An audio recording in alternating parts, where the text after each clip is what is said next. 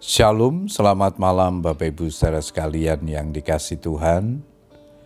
Kita bersyukur kepada Tuhan malam hari ini kembali kita boleh datang kepada Tuhan untuk menaikkan ucapan syukur dan doa-doa kita. Setelah sepanjang hari ini kita menikmati segala kebaikan Tuhan.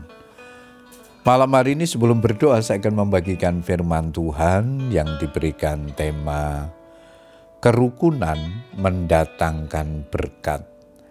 Ayat mas kita di dalam Mazmur 133 ayat yang pertama. Firman Tuhan berkata demikian, Sungguh alangkah baiknya dan indahnya apabila saudara-saudara diam bersama dengan rukun. Bapak Ibu saudara sekalian, salah satu hal yang sangat dibenci dan ditakuti iblis adalah ketika orang-orang percaya hidup dalam kebersamaan dan kerukunan. Iblis benci melihat keluarga-keluarga Kristen yang hidup rukun dan hamba-hamba Tuhan yang hidup rukun. Itulah sebabnya iblis selalu mencari cara dan celah untuk menciptakan perpecahan dan pertikaian dalam hidup orang percaya. Alkitab secara gamblang menyatakan iblis adalah pencuri yang datang hanya untuk mencuri dan membunuh dan membinasakan. Tetapi aku datang supaya mereka mempunyai hidup dan mempunyainya dalam segala kelimpahan. Yohanes 10 ayat yang ke-10. Mengapa iblis benci dan takut dengan kebersamaan dan kerukunan orang percaya?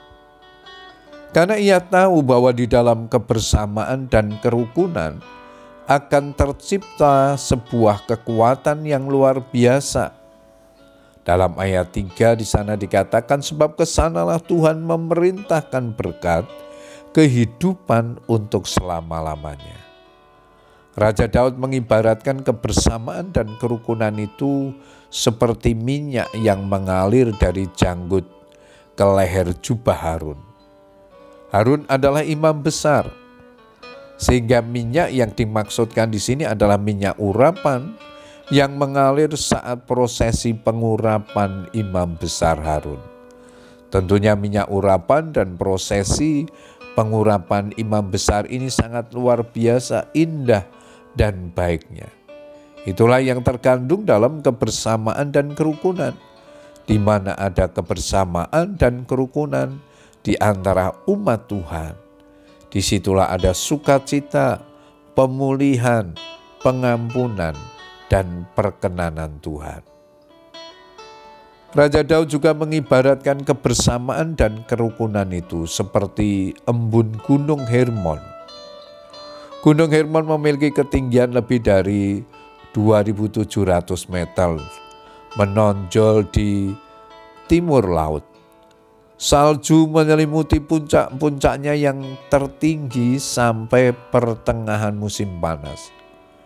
Gunung ini terlihat dari tempat yang sangat jauh. Ketinggian yang mengesankan, air yang melimpah-limpah. Dari gunung inilah sumber air bagi Danau Galilea yang kemudian mengalir melalui bukit-bukit Sion. Seperti yang dinyanyikan pemazmur. Embunnya juga menyegarkan tanaman dan membasahi semua pepohonan yang ada di sekitarnya. Hal ini berbicara tentang suatu kehidupan yang dampaknya dapat dirasakan oleh orang-orang yang ada di sekitarnya. Artinya, orang-orang yang diberkati oleh Tuhan. Bapak Ibu saudara sekalian, Biarlah nasihat firman Tuhan ini menjadi peringatan sekaligus motivasi kita untuk membangun kebersamaan dan kerukunan baik dalam kehidupan keluarga maupun komunitas di gereja sebab di balik semuanya ada berkat-berkat yang Tuhan sediakan bagi kita. Selamat berdoa. Tuhan Yesus memberkati. Amen.